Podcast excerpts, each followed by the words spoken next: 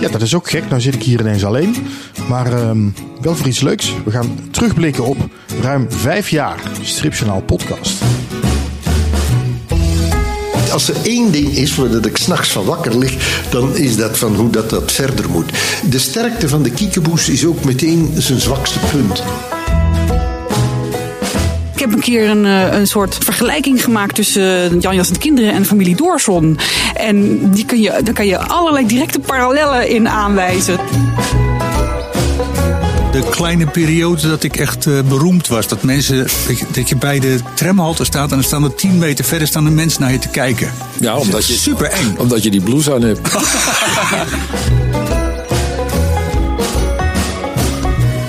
Ja, een speciale stripjournaal podcast aflevering zo aan het eind van het jaar. Ik uh, realiseerde me laatst dat ik best wel een tijdje bezig ben. En uh, toen dacht ik, ja, er zijn al zoveel leuke podcasts voorbij gekomen. Voor wie het wil weten, wie aan het tellen is, dit is, podcast nummer 90. Um, ja, en, en, dat loopt al een paar jaar. Dus ik dacht, nou, tijd om eens uh, terug te gaan blikken. Want ja, waarschijnlijk niet iedereen die nu naar de podcast luistert, is, uh, vermoed ik, bij aflevering 1 begonnen. Um, ja, en, als ik zo eerlijk ben, dan moet ik zeggen dat er toch best een hele hoop leuke dingen zijn langsgekomen in die afgelopen jaren. Dus ik ga voor mezelf de, de highlights eruit halen.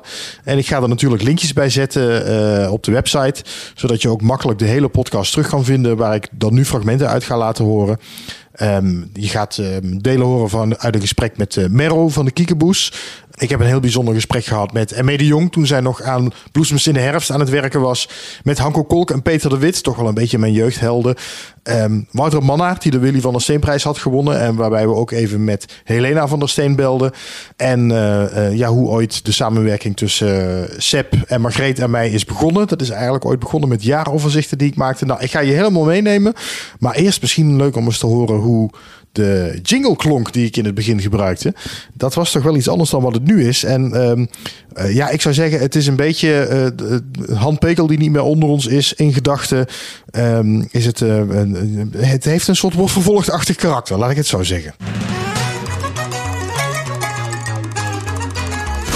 Stripjournaal. Robin Vink. Nou, dat was de jingle in het begin.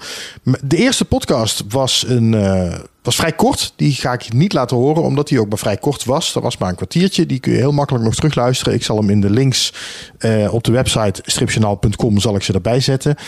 Um, en dat was, de, die eerste podcast was onder andere een gesprek met Gerben Valkema over Elsje, omdat ik toen voor de boekenkrant bij hem moest zijn. Dat, daar schreef ik toen nog voor. En ik moest een artikeltje schrijven over Gerben voor de boekenkrant. En toen dacht ik, nou, weet je wat, ik neem gewoon de microfoon mee.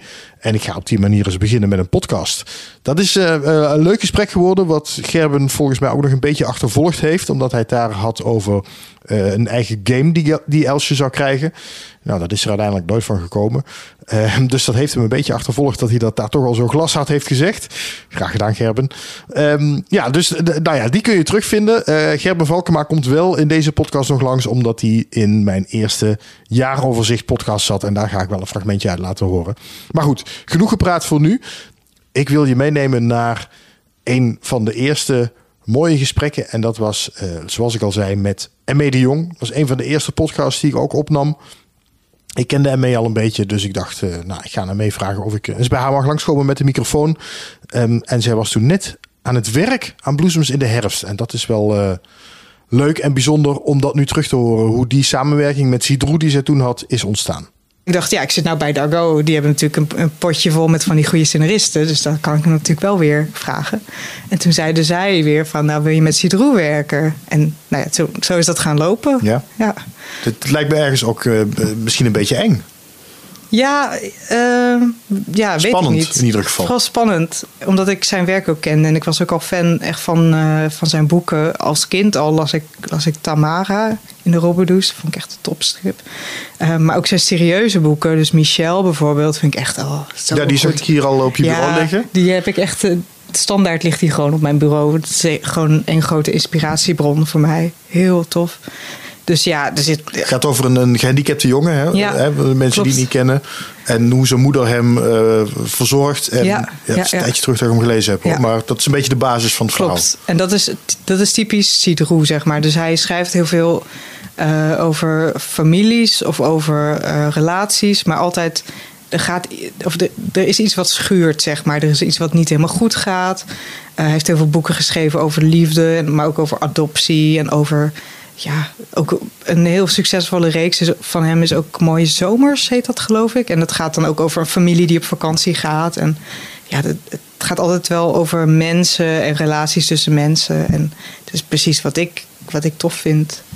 Dus ja, dus ik ben heel blij dat we nu, dat we nu iets samen maken. Ja, en je zegt nu, eh, het, verhaal staat nu op mijn computer en ik teken het nu uit. Mhm.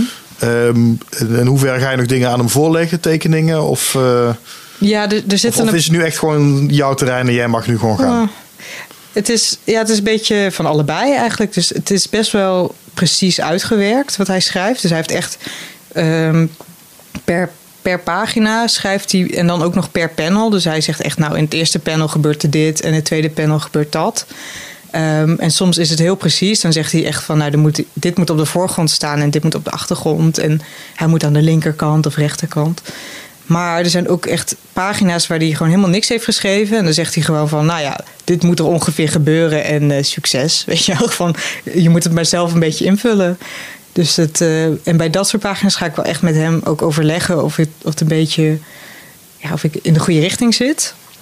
En, maar bij de rest hoeft dat in feite niet, want dat is zo precies. Dat, dat kan niet misgaan, zeg maar. Ja. Of zeg je dan nog wel eens tegen hem van nou, ik zou het eigenlijk zo doen? Eh, ik heb wel een paar dingen tegen hem gezegd. Van, nou want dat is natuurlijk altijd zo. Als je gaat tekenen en je ziet die plaatjes naast elkaar... dan merk je opeens dat ze allemaal heel erg op elkaar lijken bijvoorbeeld. Of je merkt dat, dat eh, dingen gespiegeld zijn van elkaar. En dat is altijd heel lelijk. dat, Ja. ja, dat, ik kan niet goed- zo goed uitleggen op, eh, op een podcast. Maar het gaat erom dat je, als je een pagina ziet... dat ieder plaatje anders is dan de ander. Dus die, die variatie is heel belangrijk. Ehm, en bijvoorbeeld als je, ja, tenzij dat echt een effect is hè, wat je wil bereiken. Maar soms in het scenario lijkt het allemaal heel, heel tof en gevarieerd. En dan als je tekent, is het opeens heel erg veel van hetzelfde. En heel veel, ja, dezelfde afsnijdingen en dezelfde kleuren. En, en als ik dat merk bijvoorbeeld, dan ga ik wel even naar hem terug en dan zeg ik van nou, volgens mij moeten we dit juist heel erg uitzoomen of heel erg inzoomen. En dan, dan breekt dat een beetje de, de pagina op. Maar ja, dat, dat, dat gebeurde bij mij ook toen ik aan de Westbrief werkte. Ja, dan moet je dan gewoon maar even eh, een passage schrappen in, in het scenario. Maar dat moet wel kunnen. Omdat het qua beeld eigenlijk niet uitkomt. Ja, Ja, ja, ja. en het is ook onmogelijk om alles met het scenario al in je hoofd zeg maar, perfect te hebben. Dus er gaan geheid dingen veranderen als je het eenmaal getekend hebt. Ja. En, en die ruimte is er ook gewoon. Ja. Stripjournaal.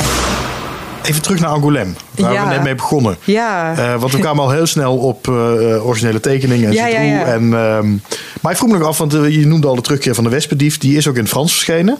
Eh, nou, zo ben je bij Dago binnengekomen. Heb je dan ook nog, ben je dan ook nog bezig geweest om dat boek te verkopen of signeren? Of... Ja, het was eigenlijk wel leuk. Ik had, eh, nou ja, eigenlijk dat boek was vorig jaar met Angoulême uitgekomen. Dus dat was mijn grote signeersessie toen. Dus toen hebben ze me echt eh, in een hotelletje neergezet in Angoulême. En ik heb daar eh, toen echt drie dagen gesigneerd. En dit jaar was En het dus... kwamen de mensen dan ook? Want ze kenden jou misschien nog helemaal niet. ja, want het was best wel goed gepromoot. En het was echt wel, eh, het stond in alle folders. En, dus het was heel druk ook. En, en dit jaar was het dus precies een jaar geleden dat hij uitkwam. Dus ik was ook niet uitgenodigd, eigenlijk.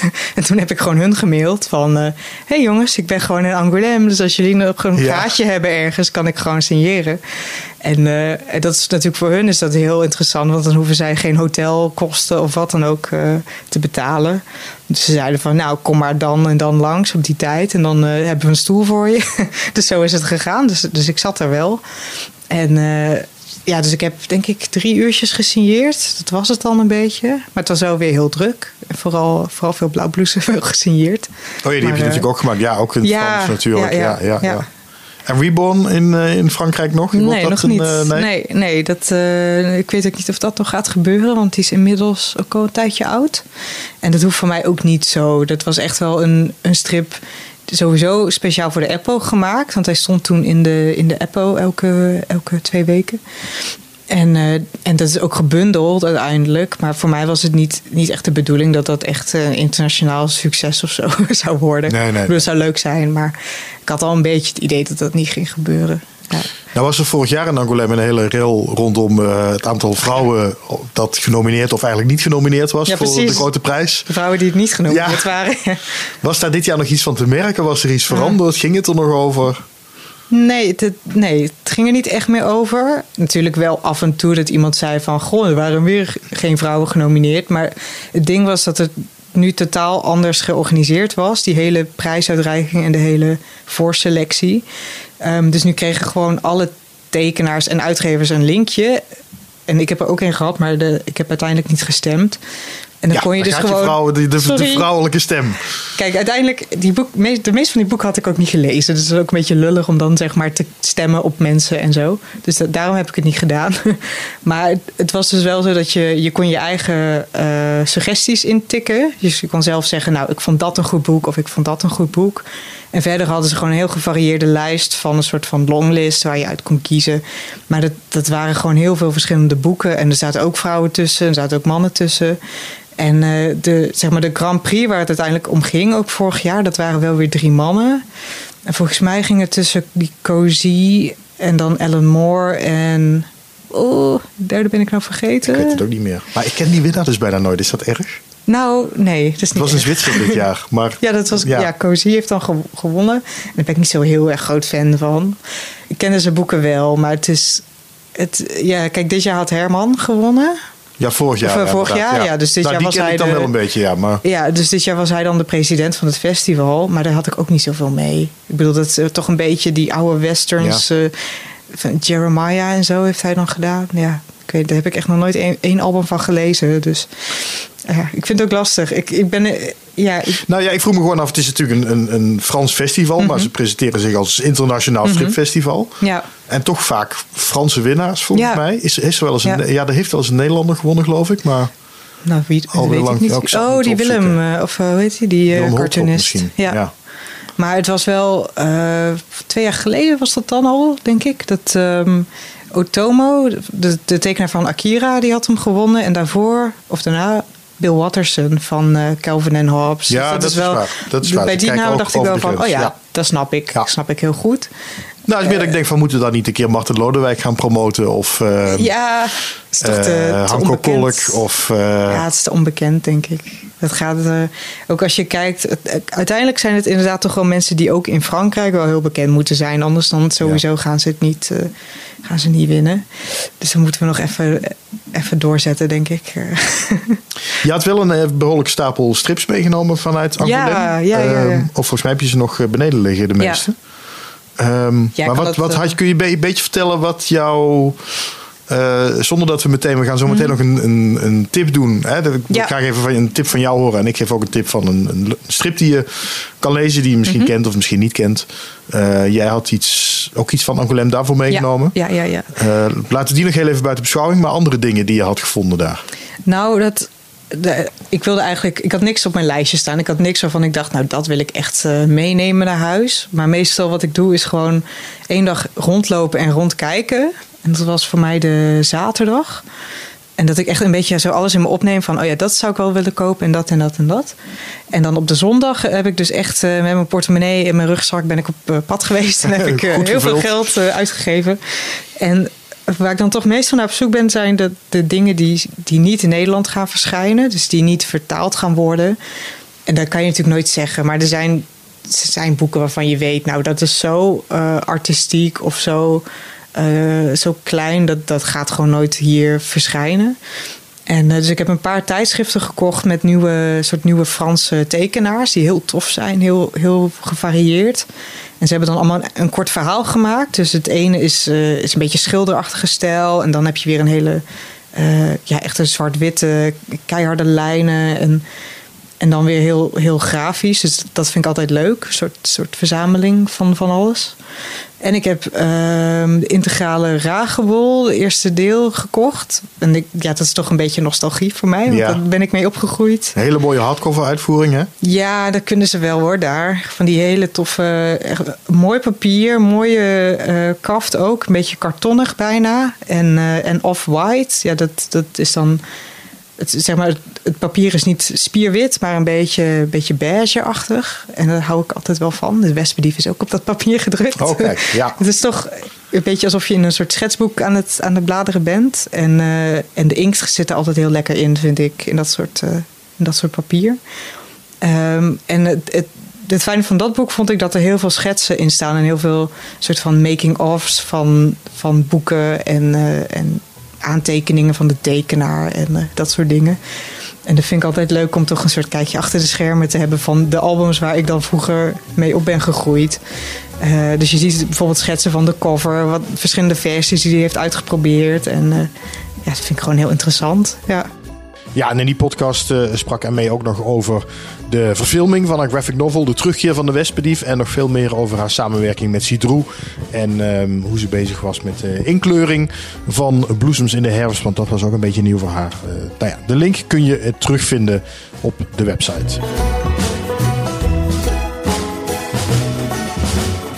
Een ander gesprek dat me echt wel bijgebleven is, is met eh Merro, Robert Merrotijn, de tekenaar van de Kiekeboes. Ehm, in Vlaanderen heel groot. In Nederland ja, toch wat minder bekend. De Kiekeboes is hier nooit echt doorgebroken. Ik ben daarvoor toen eh, naar zijn huis gereden in de buurt van eh, Antwerpen of Brussel, geloof ik. Ik weet het niet eens meer precies. En ehm, ik zat daar gewoon eh, lekker met hem te praten. Dat was in de tijd dat ik voor mijn podcast nog ongeveer een half uur aanhield. Maar met Merro, ja, dat was gewoon niet te doen. Dat binnen no time zaten we op een uur. Dat was, die, hij zat zo op zijn praatstoel en het was zo gezellig. Ja, ik heb daar echt wel hele goede herinneringen aan. Ehm, en, nou ja, en ik vroeg hem dus ook in die podcast, eh, wat ik net al zei, dat, dat Kiekeboe het in eh, Nederland nooit zo goed heeft gedaan. Maar in Vlaanderen is hij echt heel groot. Eh, vroeg ik hem van, ja, of hij dat nou erg vond dat hij nooit in Nederland zo groot is geworden. Goh, ik ben er ondertussen overheen. En ja, het is wat je zegt. Ja, ik ben in Vlaanderen, is het nu. Ja, heeft het, heeft het echt de top, eh, heeft het echt de top bereikt. Dus ik lig er op mijn leeftijd niet meer echt van wakker. Maar ja, ik vind het toch altijd jammer dat het, ja, dat het niet gelukt is. eh, zowel in Nederland als in Frankrijk. Ja, om te beginnen, Nederland was makkelijk, want dat, ja, dat, het, het is dezelfde, het is dezelfde taal. En. eh, dat had moeten lukken, want het is, het is een Vlaams gezin, maar het had identiek hetzelfde kunnen zijn. Het had een Nederlands gezin kunnen zijn. De, een, familie zoals de Kiekeboes vind je in Nederland ook. Dus dat, dat, wat dat betreft, eh, ik denk ook qua humor, want ik heb altijd van in mijn jonge jaren, eh, heb ik altijd zeer sterk eh, ja, geïnteresseerd geweest wat er in Nederland gebeurt op het gebied van humor. Het Nederlands cabaret heb ik altijd heel, heel sterk gevolgd. En, en heel erg gewaardeerd. Dus ja, het had, het had moeten kunnen. Maar ja, er was geen infrastructuur en steeds minder. Eh, toen ik begon, ja, toen had je het nog wel. Ik herinner me nog in de tijd bij Van der Steen. Van der Steen is trouwens de enige Vlaming die echt doorgebroken is met Susken en dat is Wiske. waar. Nero en Jommeke. Eh, nooit Nero en Jommeke niet. Sus- hij had met Suske en Wiske dat voordeel dat hij sinds de jaren 50 stond hij in zijn heel circuit van alle mogelijke lokale kranten in Nederland. Dat had je in Nederland, ik weet niet hoe het nu is. Bij ons heb je een paar grote kranten. Die regionale kranten, die, dat, dat eh, circuit bestaat bij ons niet. En daar stond hij in. Dat was dus ook in de tijd nog van dagelijks in een krant te staan. Dat stimuleerde de albumverkoop. Ja, en dan de, de grote eh, mazzel die hij gehad heeft. En dat heb ik van dichtbij meegemaakt. Dat was in de jaren zeventig. eh, toen eh, de acteur Wies Andersen, die vroeger ook wel in Nederland bekend was, eh, was een Vlaams acteur. En eh, die eh, is overgeschakeld ja, naar, eh, naar film en die is films beginnen produceren. En die, is, eh, die kwam met het idee af voor een, een tv-serie rond Susken en Wiske. En dat zijn die poppenfilms geworden. En Ja, met het bekende liedje.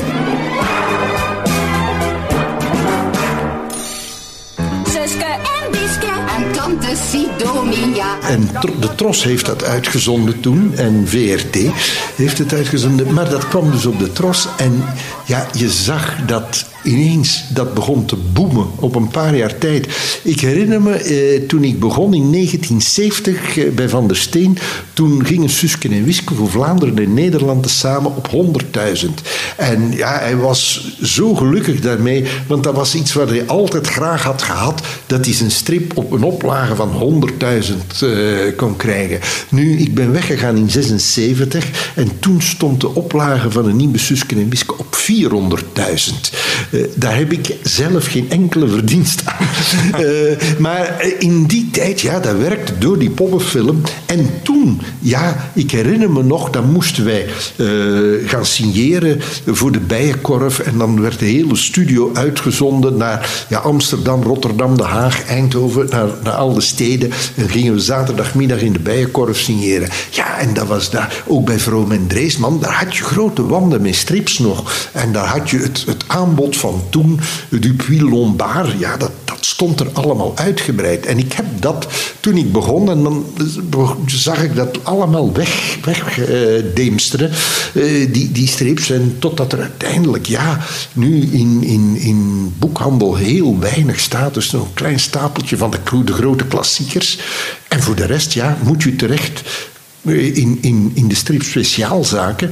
En dan hoor ik ook dat die het ook moeilijk hebben en dat er ook regelmatig zijn die, eh, die verdwijnen. Dus ja, eh, ja er- er is op de een of andere manier is er afgehaakt. Ik denk dat het ook een, een, te maken heeft met een verschil in mentaliteit. Ik denk dat eh, Nederlanders zijn meer trendy gericht dan Vlamingen. Ik denk dat Vlamingen wat dat betreft iets conservatiever zijn en hun tradities meer koesteren eh, dan, eh, dan in Nederland. Ja, dat het, dat het iets Terwijl je toch heel erg met de tijd meegaat. Hè? Je had het net inderdaad over eh, scheiding, homohuwelijk. Dat, dat soort dingen zit gewoon in de kiekeboes. Dat zit in de kiekeboes in. Ja, en ik krijg nog regelmatig van, van mensen uit Nederland... Ja, het, het, het kleine strippubliek dat het dan wel volgt... en dat het dan vaak over de grens hier komt kopen...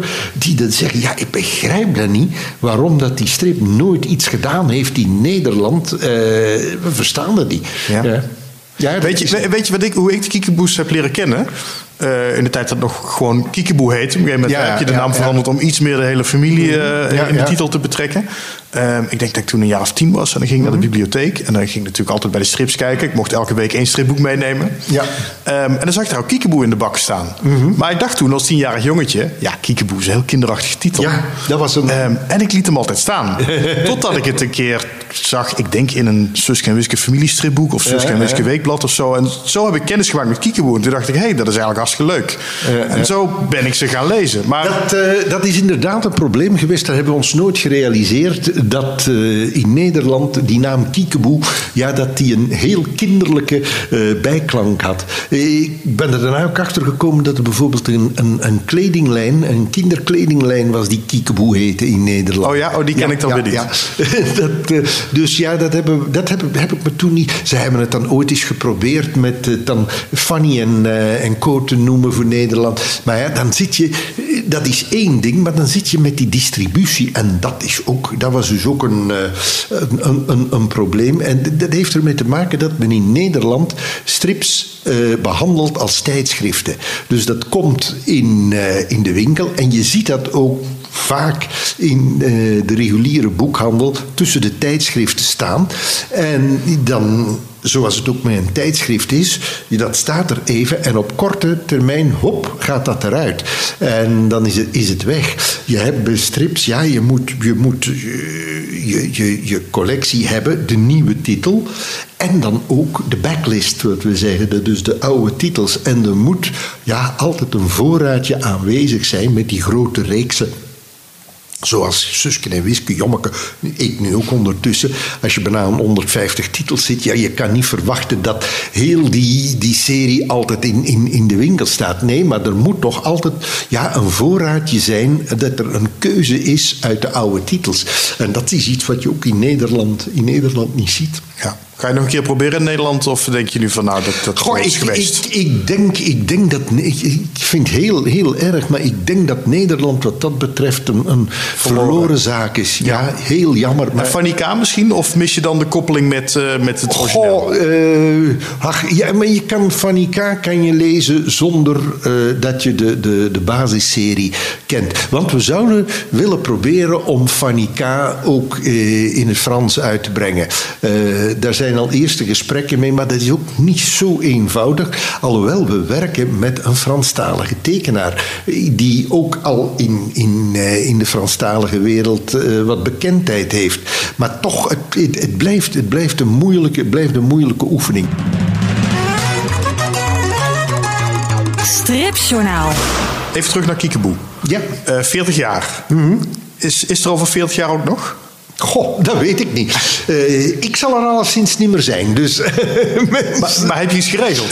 Eh, nee, ik heb nog altijd niks geregeld. Omdat ik, dit is, als er één ding is waar dat ik s'nachts van wakker lig, dan is dat van hoe dat, dat verder moet.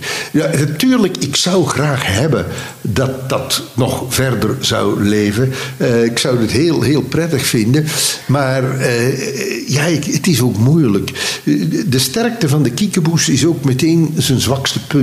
Het, de kiekeboes, het succes van de kiekeboes hangt eigenlijk voor een groot stuk af van mijn manier van vertellen, mijn manier van naar de wereld te kijken, mijn humor. En we hebben al experimenten gedaan met, eh, met andere scenaristen. Het is heel moeilijk om dat door te geven, om dat over te nemen, diezelfde stijl van vertellen. Gewoonlijk is het zo, als ik met een scenarist werk, dat hij me een basisscenario bezorgt. Een, een, een synopsis dat ik zeg, ja, en liefst één die mooi in elkaar zit. En dan kan ik daarmee verder. En dan begin ik erop te freewheelen, laat ik mijn personages erop los. Maar een ander... Ik, ik heb het nu eens voor één keer gedaan. Voor het, het album dat nu in, eh, uitkomt in, in, in september. En eh, daar heb ik Peter van Gucht voor ingeschakeld. De scenarist van Susken en Wiske. En Peter had me een reeks thema's voorgesteld. Zou dit, dat of dat kunnen doen? En daar heb ik er een stuk of drie uitgehaald. Zeg dat, dat en dat vind ik interessant. Kun je dat nu eens combineren tot één verhaal, die drie dingen? En dat heeft hij gedaan en hij heeft een mooie basisplot geschreven. Ik heb hier en daar een paar dingen herzet, maar in zijn totaliteit heb ik dat behouden. En zeg, ja, dit zit goed, ik ga dat maken. En eh, dan heb ik het hem ook eens laten uitschrijven, zoals hij een Suske en Wiske uitschrijft, pagina per pagina met de dialogen en hele dingen. Hij heeft dat gedaan. Ik heb het uiteindelijk niet gebruikt. Ik ben gewoon opnieuw beginnen te schrijven. En dan moet ik denken aan, aan, aan Hergé en eh, aan, aan het verhaal eh, Tintin et les Thermogènes, dat geschreven werd door Greg. Eh, ergens, denk in, in, in, eh, in eind jaren 50 dat eh, zich afspeelde. En Greg had eigenlijk een, een heel goed verhaal geschreven. Greg kon scenario schrijven. En had een afgewerkt kuifjesverhaal gemaakt en dat aan Hergé gegeven. En Hergé zag dat wel zitten en die is daaraan beginnen schetsen, ruwe schetsen, want er, zoals er daarin hangt, want er zijn er sommige zijn er. zijn er Nou, een hele van. mooie eh, originele kuifjeplaat aan de muur gewoon. Wauw, die had ik nog niet gezien. Ja, het is geen origineel, het is, Oh. het is een lied. Als het een origineel zou zijn. nee, nee. Ja, dan moet je hier niet zo voor het raam hangen. Nee. nee, maar eh, hij heeft er zo een stuk of vijf pagina's uitgeschetst. En na de tweede, de derde pagina begon hij al af te wijken van wat eh Greg geschreven had. En na vijf, zes pagina's heeft hij het gewoon laten, heeft hij het opgegeven. Heeft, is er niet aan verder gegaan. En, en Hergé zei toen, en dat vind ik zo herkenbaar. Hij zegt, ik kon zo niet werken. Want ik, als ik daaraan schrijf en mee bezig ben, ik wil verbaasd worden door mijn eigen invallen. En dat is het inderdaad. Dat is de nagel op de kop. Ja. Ehm, maar dat betekent wel, even terug naar dat je zegt, ik, ik lig daar s'nachts wakker van. Hè, van hoe, hoe zou het op een zeker moment verder moeten? En ik denk eigenlijk niet dat iemand anders het goed kan overnemen. Dat betekent bijna dat er ergens een moment moet komen dat je echt een laatste verhaal gaat maken. Ja, ik, ik, ik zal Ja, en wat de rest van zijn antwoord was op die vraag, dat hoor je in die podcast met Merro.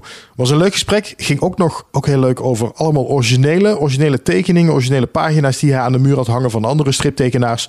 Waaronder een hele mooie originele tekening, originele pagina van Willy van der Steen van de Sonometer. Het verhaal dat hij ooit voor de Blauwe Reeks is begonnen voor het weekblad Kuifje, maar nooit heeft afgemaakt. En daarvan hing een eh, origineel bij Merro aan de muur. Heel bijzonder.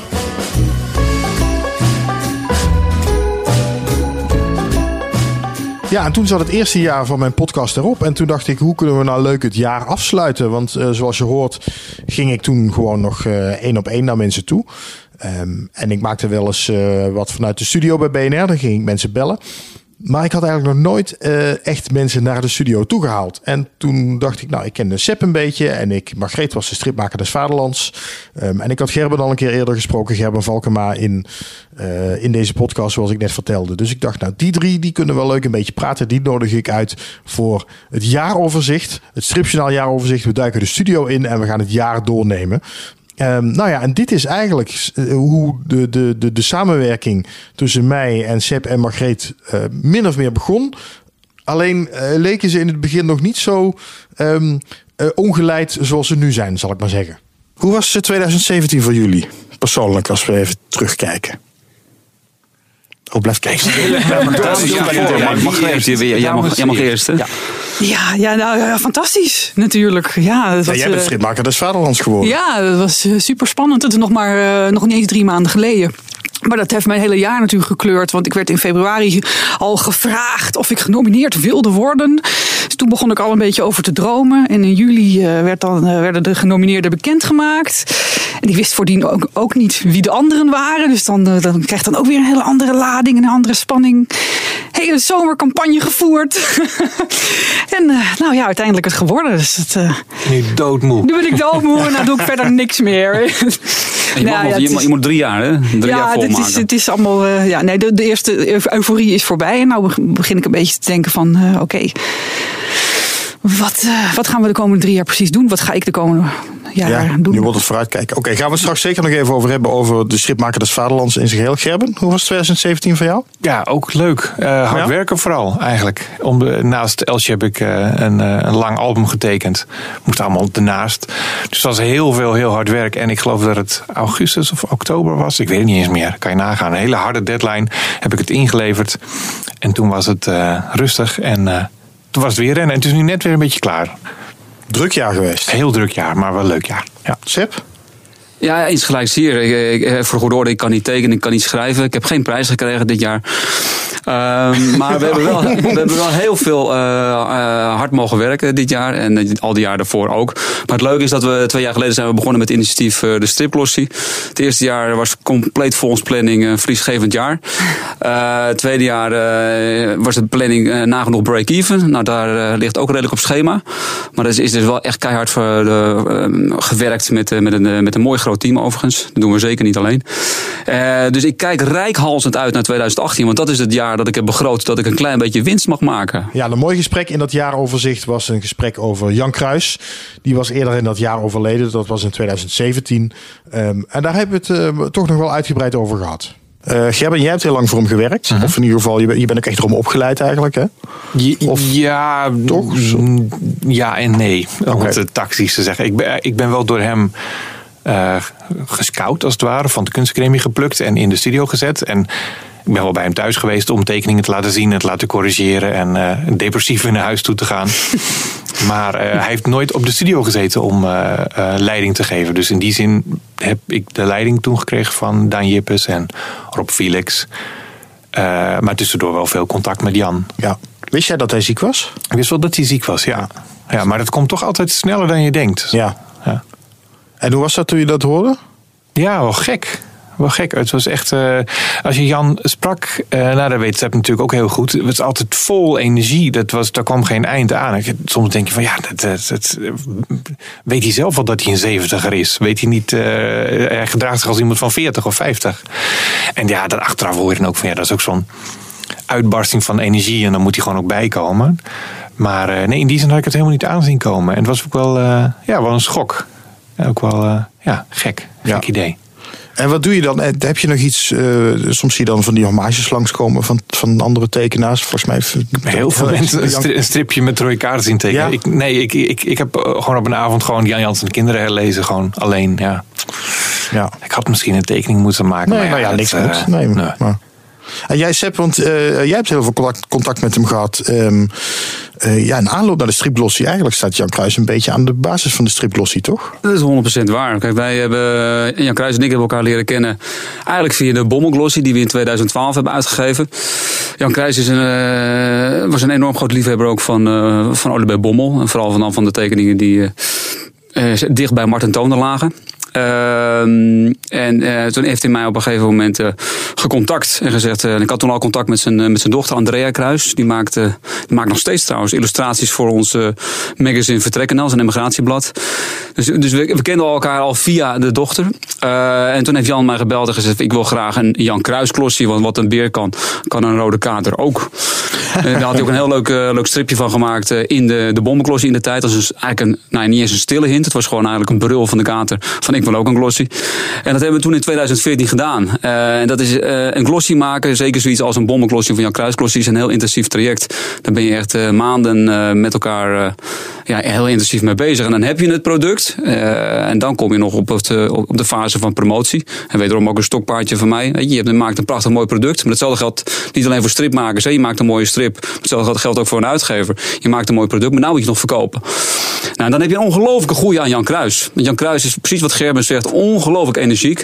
Hij is, eh, eh, heeft een 80, eh, 83 geloof ik, of 83 is met Jan Kruis geloof ik geworden, Gerben. Ja, weet ik niet op mijn hoofd. Ja, Nee. maar, maar, Zoiets geloof ik, ja. ja, maar, hij heeft, eh, maar inderdaad, tot op het laatste moment, want ik wist ook dat hij al lange tijd ziek was, eh, ging hij gewoon door, ook met zijn ideeën, en maar ook gewoon doen. Weet je, hij bleef tekenen. Op een gegeven moment was het nog maar een half uurtje per dag, want hij had enorm last van, eh, van zijn handen. Eh, maar hij moest tekenen. En, en, dan- en dan kon hij inderdaad gewoon behoorlijk geëmotioneerd zijn en verdrietig. Dat hij gewoon na een half uur was hij gewoon op. Maar hij moest tekenen. Dat was gewoon echt zijn, zijn motor van het leven om, om door te blijven gaan. Nou ja, en ik heb dus met, die, eh, met het promoten toen van, eh, van de Jan Kruisklossie... hebben we zelfs toen ook een kruistocht bedacht. En toen zijn we langs allerlei boekhandels gegaan. Ehm, en eh, ja, dan reed, ik samen met Jan naar, allemaal boekwinkels door heel Nederland heen. Nou, dan leer je ook heel erg goed kennen. Ja, het is een fantastische man. En, het is een, eh, en altijd eh, wist hij wel iets wat, eh, wist hij wel zijn mening ergens over te geven. En daardoor kan ik ook heel goed voorstellen dat het een hele dankbare mentor is geweest voor, niet alleen voor Gerben, maar voor, vele tekenaars. Want hij, hij, hij, hij had overal een mening over. Weet je, dan kon je het wel of niet over eens zijn, maar ehm, zijn mening die, die hield er niet achterwege. En dat is, ja, ik vind dat heerlijk. Weet je, want met een beetje tegengas of gewoon goede argumenten, goede discussie, dan kom je verder. En niet alleen met ja-knikkers. En Jan was zeker geen ja-knikker. Eh, hij was een bouwer, eh, initiatiefnemer, onder andere ook volgens mij van het Nederlands Stripmuseum in, eh, in, in Groningen. Ehm, en hij heeft altijd geroepen, samen met Martin Lodewijk, we willen een stripblad maken. Dus op een gegeven moment zei hij tegen mij ook, toen we de Jan Kruisklosje achter de kiezen hadden, zei hij van, ja potverdorie, je moet eigenlijk nog een nieuw stripblad komen. Hij begon eigenlijk te zeggen, Sepp, jij moet eh, de libellen overnemen. Maar dat, best- nou, mijn, portemonnee, mijn portemonnee was net niet diep genoeg, Eh, dus dat ging niet lukken. En toen zei hij, nou weet je wat, verdorie, begin gewoon een ander vrouwenblad. Weet je, en, en toen noemde hij weer al de namen van zijn, van, eerst van zijn dochters op, want dat, zo begint hij altijd. Dan noem je het Andrea, noem je het Leontien. Nou, nou, dat, dat kon allemaal natuurlijk niet. Kobus. En, nee, dan, gaat, nee, dan gaat hij naar de kleindochters. Oh, oké, En, ja, eh, dat. Ja. Uiteindelijk hebben we, eh, heb ik toegezet, nee, weet je, we gaan de stripklossie doen. Wat hij oorspronkelijk een ongelooflijk slecht idee vond. Want hij zei van, eh, die one-shots van jou, daar kan jij gewoon voldoende energie in stoppen om het te maken, maar ook om het te promoten. En dan heb je even de aandacht van de media. En een stripglossie gaat al heel snel in een bepaalde frequentie, waardoor mensen wie zeggen, nou ja, dit hoeven we niet meer te promoten. Dat kennen we wel, de stripglossie. Nou, hij, was echt als de dood van, ja jongen, dit gaat jou eh, de kop kosten. Maar vanaf, het, vanaf het nulnummer, waar we hem ook overigens in het zonnetje hebben gezet, eh, is, hij, is hij een van onze allergrootste fans geweest. En eh, heeft hij ook echt meegedacht en ook altijd stukken bijgedragen. tot zover dat ging. Weet je? Dus hij heeft, en op een gegeven moment wist hij van, ja, dit, dit gaat niet lang meer duren. En toen heeft hij gezegd van, ik heb allemaal nog, ik ben bezig, maar ik heb ook al cartoons gemaakt over, over mijn afscheid, over mijn overlijden. En ik zou dolgraag willen dat dat in, een- in de stripglossie eh, gaat verschijnen. In welke vorm dan ook. Nou, dat vond, eh, vond ik, maar ook ons hele team, ongelofelijke eer dat we dat hebben mogen doen. Stripklossie 5,5. Inmiddels uitverkocht. Misschien nog in de strip sociaalzaken te kopen. maar, uh, het is, uh, nee, Jan. een commercieel mannetje, hè? die is van elkaar. Ja, maar, maar, Jan is echt. Uh, die, die, die, ik, ben er, ik, ik, kijk er met ongelooflijk veel plezier en warmte naar, op terug. Ja. Margreet, wat is jouw herinnering aan Jan Kruis? Ik heb eigenlijk nauwelijks persoonlijk contact met hem gehad. Ik heb één keer met hem aan de telefoon gezeten. Uh, ja, en ik, wat ik wel ontzettend heb meegekregen als kind natuurlijk zijn de Jan Jas en de kinderen. En dat uh, maakt een diepe indruk. Dat is natuurlijk een ontzettend goede strip geweest. Het is gewoon ja. een icoon eigenlijk, hè? Ja, ja, ja. en ik heb een keer voor een, een blaadje. Uh, dat, er is, voor, voor mijn gevoel is er in de loop der tijd iets aan gaan kleven van ja, maar het is voor de libellen. Het is een beetje een huistuin- en keukenstripje. Het is een beetje braaf. Maar dat is het helemaal niet. Jan Jans en de kinderen is ontzettend rebels. En ik heb een keer een, een soort vergelijking gemaakt tussen Jan Jans en de kinderen en de familie Doorson. En die kun je, daar kan je allerlei directe parallellen in aanwijzen. Het gebruik van geweld daarin, de manier waarop de racisme behandeld wordt. Dit is allemaal, ze doen het allebei op een, briljante manier. allebei laten ze eigenlijk ja, het, het doorsnee uh, Nederlandse gezin zien. Ja, en ook nog allemaal Sint Pannenkoek gevierd. Ah, nee. Ja, nee, dat was de deur uit. Maar ik, ik, ik zat er nog wel aan te denken. Want de kinderen zijn nu oud genoeg. Ze vinden ook pannenkoek net lekker. Ze vonden het nooit lekker. Ik denk, oh, Sint pannenkoek. pannenkoek niet lekker vinden? Ja, ze moeten erin groeien. Oh. Ja, nou ja, denk ik dan. Ik ben in ieder geval bij nu lusten ze het. Ik denk, ja, nou ja, volgend jaar. Uh, 29 november, klopt dat? Uh, 29, ja. Ja, ik denk nou volgend jaar wil ik gewoon uh, binnenkomen. Ja, niet uit mijn werk. Ja, van boven naar beneden lopen. en dan, dan het gezin op me zitten wachten met een pannenkoek op de kop. en dan een foto maken en uh, ja, social media natuurlijk. Ja, ja, ja, dan willen we het ook zien. Ja, die foto hebben we helaas uh, niet meer gezien. Misschien moet ik Gerben eens aan zijn jasje trekken om te vragen of die foto nog steeds een keer komt. Um, ja, en toen kwamen we bij het eind van dat jaaroverzicht. Ja, en daar hoor je wel dat, um, laat ik zeggen, dat was een voorbode voor vele podcasts die zouden volgen met Sepp en Margreet. Oké, dankjewel jongens. Dit was hem, uh, de Stripjournaal podcast voor deze week. Het jaaroverzicht. Dankjewel Gerben, Sepp, Margreet. Um, en degene aan de andere kant die nu zit te luisteren, dank voor het luisteren en bezoeken van stripjournaal.com het afgelopen jaar. Blijf dat ook zeker doen. Reageer ook via info.stripjournaal.com kan dat. Je alles kwijt wat je bezighoudt. Zolang het maar met strips te maken heeft. Nou, ook niet. Uh, ik ga met mijn podcast heel even tussenuit. Maar blijf vooral de website in de gaten houden. En ik wens je een fantastisch nieuwjaar. En uh, blijf wel strips lezen in 2018, zou ik zeggen. Daar kunnen jullie het alleen maar mee eens zijn. Daar ik me helemaal bij. Ja, ja, zeker. zeker. Zal ik nog even een, een, een? Stripjournaal. Ik lees op dit moment Zen zonder meester van Frank Meeuws. Een, een nieuwkomer in de stripwereld. Uh, en uh, volgens mij is dit een ontzettend goed boek. Dus uh, dat ga ik in 2018 uitlezen. Nou, het is zo mooi getimed en dan ga je dwars door mijn jingle heen. Fok. Heeft Sepp ook vast wel een leuk liggen. Toch duurde nog even voordat het groepje ontstond waarmee we nu de podcast maken. Hè, zoals ik dat nu met Sepp en Margreet doe. Um, na dit jaaroverzicht ging ik eerst zelf verder met mensen bellen. Uh, en in de uitzending halen. Daarna heb ik op zeker moment Sepp erbij getrokken. En Sepp was er ook al bij in de studio toen ja, toch wel twee van mijn jeugdhelden te gast waren. Namelijk Hanko Kolk en Peter de Wit. En ik had het toen onder andere met ze over iets wat uh, uit mijn jeugd gewoon heel erg is bijgebleven. Daar liet ik ze een fragmentje van horen. Zo. De omtrek van het hoofd van je stripfiguur zegt vaak veel over het karakter wat je ermee wil uitbeelden. Ja, of het een slimmerik wordt of juist een suffert of een zwaargewicht, dat wordt allemaal al door die omtrek van het hoofd bepaald. Precies. Ja, ik vergat dit dus vroeger. Dit was uh, met Telejak, jaren negentig. Een soort so striptekencursus die jullie gaven op tv bij ja. de publieke omroep. Ja, uh, Telejak was dit, ja. Ja, ja. ja. Dat was negen afleveringen of zo. En uh, ik, ik laat één aflevering laat ik aan mijn studenten in Artes uh, altijd zien. Van, oh. uh, over perspectief. Want oh ja, okay. die, die, kunnen er niks van. En dan zeggen ze, kijk dit maar.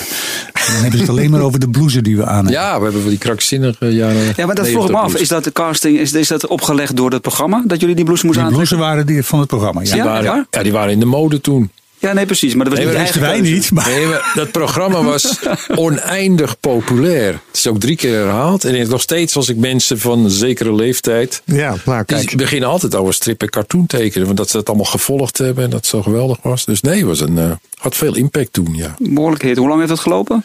Nou, het, was gewoon, het waren gewoon negen afleveringen. En die werden twee, Negen drie weken. keer, ja, werden Ja. gewoon twee, drie keer herhaald ook toen. nog. Maar het was wel een van het is echt de, de kleine periode dat ik echt eh, beroemd was. Dat mensen dat dat je bij de tramhalte staat en dan staan er tien meter verder staan de mensen naar je te kijken. Ja, Dat omdat je, super eng. omdat je die blouse aan hebt. Had je hem stiekem meegenomen? Ja. Eh, nee, het mooiste is dat eh, de, de eye-opener begon bij mij al bij aflevering 1. Namelijk hoe ik recht hokjes kon tekenen op een vel. Ik ging altijd schots en scheef. En door jullie heb ik geleerd hoe ik dat recht moest doen. Ja, je op al heel eind. Ja, toch? Ja. Nee, de eerste en de tweede geloof ik. Maar de eerste was natuurlijk hoe teken je een hoofd en gezichtsuitdrukkingen. Ja, ja, ja. dat, ja. Was, dat vonden mensen al helemaal geweldig. Lachen, treurig kijken, boos kijken. Ja. ja, en jullie trokken dan wel echt een beetje gekke bekken ook af en toe. En eh, jullie gingen daar wel eh, helemaal in mee. Ja, maar dat doe dat, ik weet niet hoe je. Ja, ik zie jou bijna nooit eh, tekenen aan het werk, maar eh, als ik zit te tekenen, doe ik dat altijd. Zit je voor de spiegel gekke nee, niet voor te de trekken. spiegel om- gewoon. Ik zit, dan, dan komt. Oh, als een soort reflex. Ja, ja, je acteert wat je figuur op papier doet. Dat gaat automatisch. Dat geldt voor jou ook, je- Peter. Nou ja, ik, ik ben niet eens bewust van. Maar je, natuurlijk, je, je leeft mee met eh, wat je figuur doet. ja. Maar niet in de spiegel om te kijken hoe, hoe zit dat Nee, dan, die nee, plooi. nee. Maar gewoon... eh, ja, maar je voelt het ook. Kijk, als je, eh, als, als je eh, bijvoorbeeld, weet ik veel, als je achterdochtig, achterdochtig is een moeilijke emotie, weet je wel, dat is zo'n halve emotie. Dus dan ga, dan ga ik het gewoon voor mezelf doen en dan voel ik wel welke spier ze aantrekt. En dan denk ik, oh, oké. Oh, dan gaat mijn wenkbrauw een beetje naar beneden. Oh, dan gaat hier het onderooglid gaat een beetje omhoog, weet je wel. Nou, dan, dan, dan kan ik dat tekenen. Ik vind mooi, jij zit het ook gewoon nu te doen. En ik zie Ja. het zo, ik zie zo de achterdocht in je gezicht komen. Ja, ja, ja. Ehm, je, moet het- ook, je, moet ook, je moet ook echt kunnen acteren. Dat zeg ik ook tegen studenten. Doen- We doen soms ook echt acteerlessen.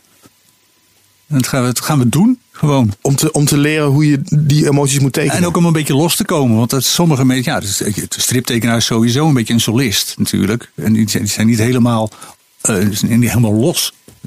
En, voor de goede je moet orde- een beetje los zijn om, om eh, te- goed te kunnen acteren. Maar voor de goede orde, Hanko die geeft dus ook les, hè? De- voor de luisteraar. Oh ja. Ja, oh ja, goed dat je het even zegt, Ja. Chris. Heb. Ja, eh, op, eh, bij Artes, Hogeschool voor de Kunsten ja. in eh, Ja. Ehm, eh, en als je dan je studenten... En als je dan je studenten dat ehm, eh, over perspectief laat zien. Want ik zat het dus daar straks, nou, dat jullie kwamen, was ik het erop aan het zoeken. Er staan heel wat afleveringen op YouTube. En toen dacht ik wel van, jeetje, met de ogen van nu gaat dit wel heel langzaam. Hoor jij dat dan ook wel eens terug of eh, valt dat wel mee? Ja, nou, ik kijk die dingen nooit terug. Het is, kijk, die perspectief, dat duurt 20 minuten. En dat is. In dat geval was dat wel goed. Je moet je echt een beetje stap voor stap uitleggen. Maar de rest, dat, eh, ik weet ik niet. Nee, het zal in die tijd was dat. Nou, voor ons was dat heel flitsend, denk ik. Maar voor nu is dat heel traag. Ja, dat zal wel. Maar heb jij er wel eens teruggekeken, Peter? Nee, nee, nee, nee. Die eh, blouse die heb ik ook niet meer thuis. Nee, eh, nee het is leuk. En ik, hoor, en ik vind het leuk als mensen erover hebben. Dan zeggen ze, goh, daar heb ik zo van genoten. En dan denk ik, goh, dat is na zoveel jaren later. Ja, superleuk gesprek was dat. Eh, je hoort het wel, Hanko en Peter zaten lekker op hun praatstoel. En eh, we hebben het natuurlijk ook uitgebreid gehad over Gilles de Geus. De, de integralen moesten toen nog verschijnen. En ik heb ze natuurlijk ook de vraag gesteld of er nog eens een keer een nieuw verhaal van Gilles de Geus zou komen. Nou ja, het antwoord daarop hoor je dus terug in die podcast. Dan door naar Wouter Mannaerts, een Vlaamse tekenaar. Die had dat jaar de Willy van der Steenprijs gewonnen voor zijn strip Jasmina. En dat was voor mij wel bijzonder, want ik zat eh, dat jaar in de jury van de Willy van der Steenprijs. En eh, nou ja, ik belde hem dus ook voor de podcast. En we hebben het met hem heel erg gehad over nou ja, hoe hij aan die strip Jasmina heeft gewerkt. Wat die Willy van der Steenprijs voor hem betekende. Wat zijn toekomstplannen waren. Ehm, en wat ik ook wel bijzonder vond, we belden ook even met Helena van der Steen. De dochter van Willy van der Steen, die de, de juryvoorzitter was op dat moment. Ehm, ik laat je even het deel van het gesprek horen waarin we belden met Helena van der Steen. En eh, waarin we ook nog een gevoelig puntje aansneden. Wel, ik wil allereerst mijn hartelijke geluk- gelukwensen overbrengen aan Wouter Mannaert. Ik hoop dat Dankjewel. het behalen van de Willy van der Steenprijs Jasmina geluk mag brengen. Ik hoop het. Nou, komen we, komen we terug op, op uw vraag. Ehm, kan je ze nog eens herhalen? Want. Nou ja, hoe, hoe kijkt u naar dat? Hoe heeft u het boek gelezen van Wouter? Wel, met bijzondere aandacht moet ik zeggen. We hebben er veel moeten lezen, maar af en toe springt er zo'n album uit wat je aandacht gaande houdt. En dit avontuur is getekend in een heel eigen stijl en ritme. En Wouter Mannaert speelt met zijn layout. En dat vind ik bijzonder belangrijk voor het ritme van een strip en om de aandacht van de lezer gaande te houden. Ja. Ik denk dat het een groot publiek kan aanspreken, omdat het zich bij in een herkenbare wereld afspreekt. Het is grafisch sterk en daarbij komt er nog dat het maatschappelijk relevant is. En, en past het ook eh, in de geest van uw vader? Want het is natuurlijk de Willy van der Steenprijs. Past, past het ook daarin? Wel, ehm, met Jasmina bewijst meneer Mannaert dat hij een echte verteller is. En dat was ook de grootste troef van mijn vader. Niet het tekenen, maar het vertellen van een verhaal. Nou, Wouter. En daar zijn de Ja. raadpunten, inderdaad. Eh, dat is een groot compliment sowieso. Ik vind dat ook absoluut iets wat dan voor mij op de voorgrond moet. Ehm, Ja, ja, inderdaad. Dat is eh, vertellen, een verhaal vertellen. Niet zomaar een, een verhaaltje zich laten afspelen, maar een goede verteller zijn. En in dit nee, geval klopt. Ik vind dat dat allerbelangrijkste. Ik noem mezelf ook verteller en geen tekenaar. Allee, ik ben... en- Ja, voilà. Ja, nou, dat, dat, dat zei uw vader volgens mij ook, hè? Ja, ja, ja, ja. Tekenen was niet zijn grootste talent, maar vertellen kon hij als geen ander. En, en dan zag ik ook nog in het, in het juryverslag staan. ehm, eh, ja, ik moet zeggen, ik zat erbij, ik zat in de jury en dat kwam daar zo ter sprake. Ehm, Ja. Ja- eh, Jasmina is het nieuwe Wiske. Ja, daar, daar ben ik het niet helemaal mee eens. Oké. Kind is veel onbesuisd. Dus, en, nee, ik, je kan niet Wie, sorry, wie is, wie, is, wie is onbesuisd? Jasmina of Wiske? Wiske. Oké. Ja, ja, ja, ja, ja. Jasmina is veel liever, denk ik. Dan, terwijl ons Wiske meer nieuwsgierig is en op avontuur uitgaat. Eh, Jasmina is maatschappelijk voelend. En ja, ik zie niet zo goed, behalve het feit dat ze allebei een meisje zijn, zie ik niet zo goed het verband tussen Wiske en, en Jasmina. Nou, ik, ik zie hem dan wel een beetje, want eh, nou ja, dat werd daar zo aan tafel besproken. En ik, ik zie wel een beetje de. Ik zie wel wat u zegt van Wiske is misschien nog wat, wat, wat ondeugender en wat. Maar ze heeft een beetje, Jasmina heeft wel een beetje hetzelfde. mm, eh, toch impul- impulsieve, springerige, vrolijke. Dat, dat herken Ja, ik er wel een dat- beetje in. Dat kan wel kloppen, ja. Maar ze doen, het, ze doen het allebei op een heel eigen manier. En dat is maar goed ook, Ja. denk ik. Eh Sepp, wat ben jij stil ineens eigenlijk? Of ben je weer Nee, nee, weggevallen? ik, ik, wilde, ik wilde af. Nee, ik ben nog niet weggevallen, Robin. Eh, tenzij je me weer wegdrukt. Maar de, ik doe niks. Nee, ik was alleen. Ik, ik was nog even heel erg benieuwd van wat dan eh, een, een verhaal. of iemand dan eigenlijk een goede verteller maakt. Is dat in, in één zin te omschrijven wat nou echt een goede verteller is? Is dat in één zin te omschrijven? Nou, mogen ook twee als je zijn. In een, als je in een strip eventueel de teksten kan weglaten en het verhaal blijkt dan nog te volgen, dan heb je een goede strip gemaakt. Dan ben je verteller met beelden. Dat is mooi gezegd. Ja. dat is heel mooi gezegd. En ik heb ook overigens begrepen dat Wiske is toch enigszins gemodelleerd naar u? Alleen haar slechte kwaliteiten heb ik altijd al.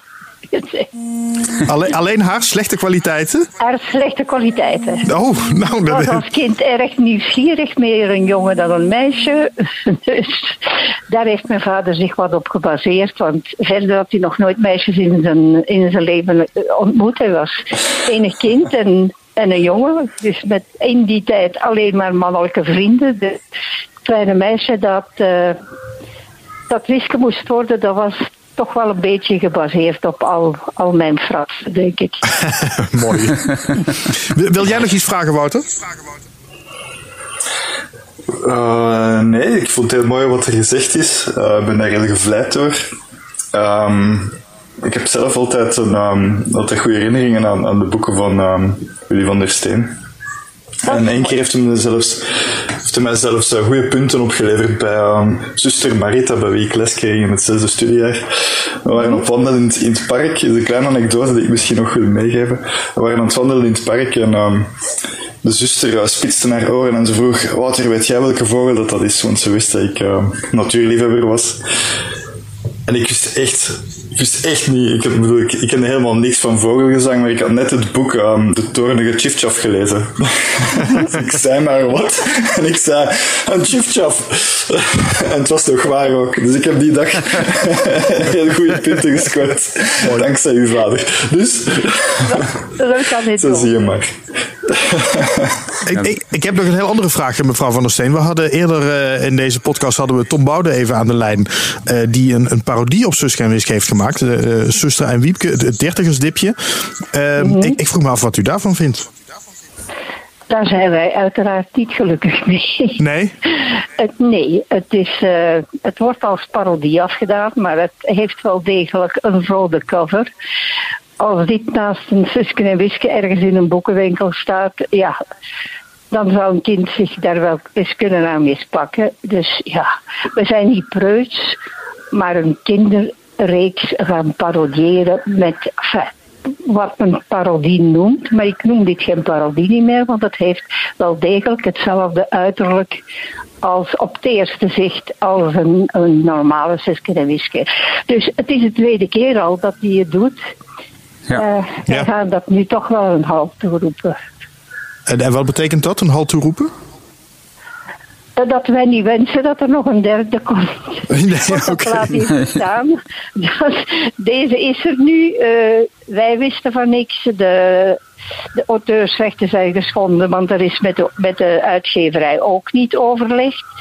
Allemaal onder het mom van, uh, van parodie. Ik vind het alleen uh, teren op de naam van Susken en Wiske, sorry. Ja. Het kan hard klinken, maar ik vind het niet kunnen met een kinderreeks.